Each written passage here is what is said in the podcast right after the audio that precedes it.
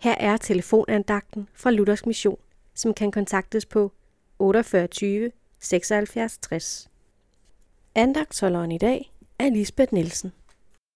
I Romerbrevet kapitel 6, vers 23 står, For syndens løn er død, men Guds nådegave er evigt liv i Kristus Jesus, vor Herre.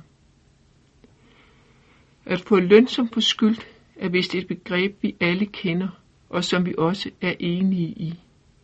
Der må være sammenhæng mellem det, man gør, og det, man får ud af det. Vi kender også ordene. Som man råber i skoven, får man svar, eller man høster, hvad man sår. At handle mod Guds lov ville medføre døden. Det havde Gud gjort helt klart for Adam og Eva. Og det ord måtte de erfare sandheden af, da de gjorde det. Døden og synden har sat sit præg på menneskelivet lige siden. Vi kender det alle.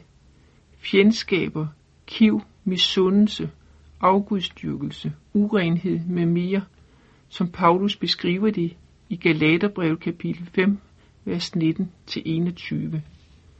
Det er konsekvenserne af syndefaldet, og vi kan kun sige, at vi får løn som forskyldt. Men Gud vil gerne, at alle mennesker skal frelses. Derfor sendte han Jesus til jorden for at zone al vores synd og skyld og gøre os retfærdige for Gud. Tror vi på Jesus Kristus og tager imod det, han har gjort for os, der kommer vi ind i en anden virkelighed.